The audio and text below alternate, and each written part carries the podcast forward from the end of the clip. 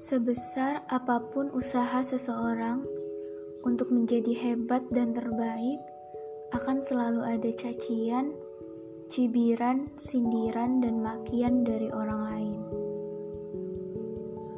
Dan sejatinya, semua manusia tidaklah kuat dengan sempurna.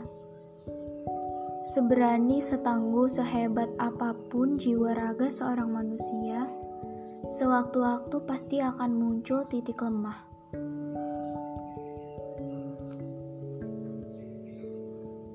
Sebesar apa pun beban yang telah coba kau pindahkan, sebesar apa pun usaha yang kau kerahkan untuk melalui badai kehidupan, hanya kau dan Tuhan yang tahu persis seperti apa dan bagaimana.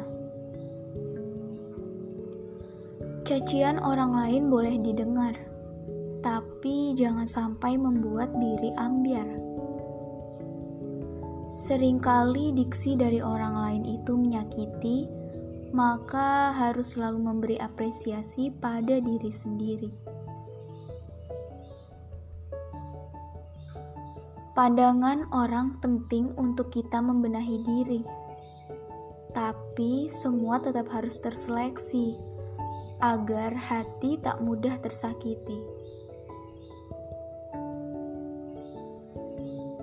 Jika kau temui hari sulit, datang pada Tuhanmu dan lemahkan diri selemah-lemahnya, hingga merasa tak ada lagi kekuatan dan penolong selain Dia.